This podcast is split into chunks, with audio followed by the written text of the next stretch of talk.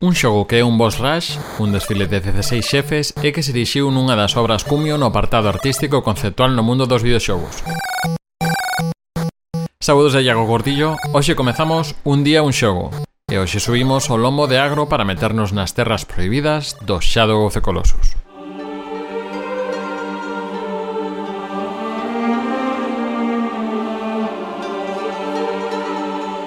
Ano 2005. Japan Studio e Team Aiko, dirixidos por Fumito Ueda, publican unha obra tan minimalista como grande na escala. Unha secuela espiritual de Aiko na ambientación e no artístico que se mete no traxe dun boss rush, ou sexa, un xogo cuxa mecánica é enfrontarse sucesivamente a diferentes xefes finais. O concepto non é novo, temos exemplos anteriores como Alien Soldier de Treasure na Mega Drive e máis exemplos de éxito posteriores como Cuphead, pero a ambientación e ritmo propios deste Shadow of the Colossus convírteno nunha experiencia única. A historia, moi mínima, lévanos ás terras proibidas da Man de Wonder, que leva o corpo de mono, unha muller da que non coñecemos nada máis. Leva para revivila no altar dun templo, É aquí cando aparece a voz dunha entidade. Dormin que lle ofrece ao noso protagonista a posibilidade de revivila se é quen de destruir os 16 colosos representados por 16 estatuas na sala do altar. Para topalos debemos empregar a nosa espada para que os raios do sol nos guíen a través dun vasto mundo despoboado no que só toparemos algunhas aves, peixes e lagartos.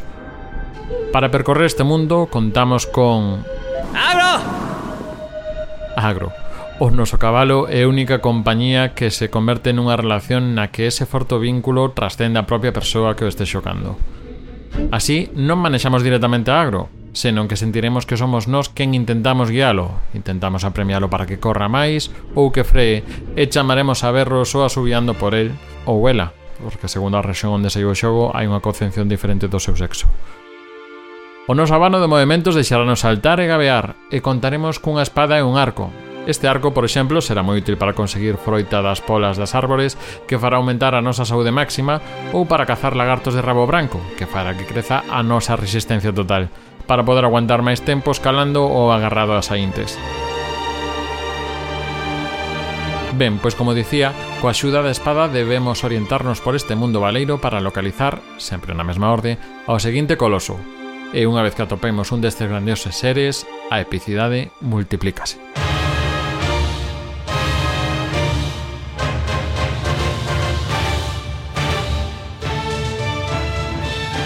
Acompañados por esta maravillosa música orquestal de Kao Otani, o xogo sube en intensidade e lévanos a un creva cabezas de acción e plataformas. Temos que localizar os puntos débiles de cada coloso antes de que acabe el con nós. Moitos destes pasarán por topar unha forma de empolirar neles nas súas pelaxes e atopar os puntos débiles xeralmente na súa cabeza e extremidades, nas que brillarán uns símbolos ao chegarnos que indican que aí é, que ese é o sitio onde debemos espetar a espada con todas as nosas forzas ata que caia.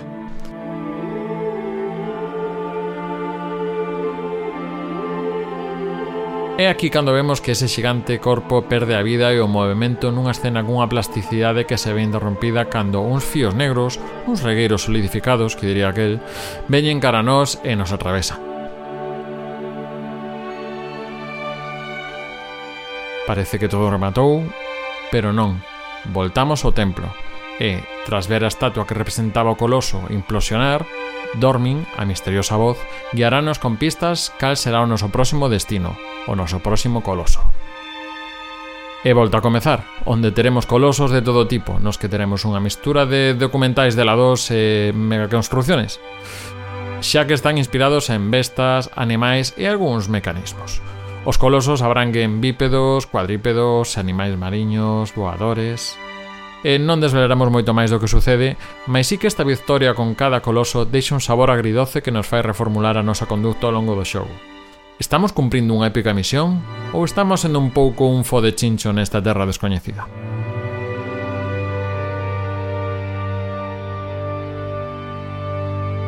No apartado máis persoal e de recoñecer que Shadow of the Colossus é un xogo siguroso, é dicir, que tens que estar no estado mental e ánimo adecuado para desfrutalo, cunha certa calma para deixarte perder e ir descubrindo a viaxe que te leva a cada coloso, que no canción nos pode levar ata 10 minutos ou máis, mentres paseamos por ruínas abandonadas, ríos, fragas, onde se filtra a luz do sol e onde podemos pararnos a explorar eses pequenos paraxes como sitios que estaban agarrando a ser descubertos e onde podemos poñernos pequenas mini metas como Poderei subir aquela rocha para ver mellor a paisaxe? Ou poderei atinarlle aquela mazada, aquela árbore para papala? Eh, se teño que escoller un momento, o meu favorito é o coloso número 13, Phalanx. Un coloso voador que emerxe do deserto, que é unha especie de serpe con as, un cabalo do demo xigante, ao que temos que facer que descenda da altura para que as súas as toquen terra e así poder saltar a elas mentres estamos a carreira no lombo do noso cabalo, deixando uns momentos de plasticidade visual que aínda teño marcados da primeira vez que xoguei. E que só se me ocurren algúns outros exemplos que chegasen a este nivel como o Journey.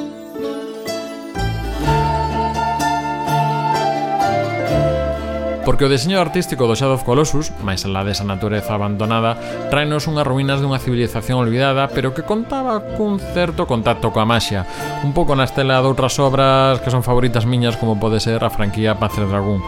Con este tamén coincide no uso dun idioma propio no xogo nos seus diálogos, que potencian esa sensación de estar nunha terra moi afastada da nosa comprensión.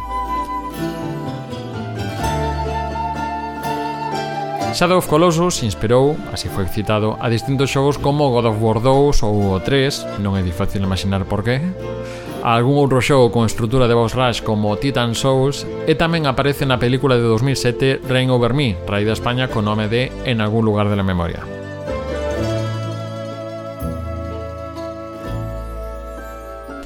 e inspirou tamén o Zelda Breath of the Wild, con mecánicas como a da resistencia ou o manexo das monturas e tamén na súa forma de entender visualmente o mundo aberto, que aínda que ese Irul é un mundo con máis vida que o do Shadow of Colossus, dá esa sensación de ser unha sombra de ser o que antes foi.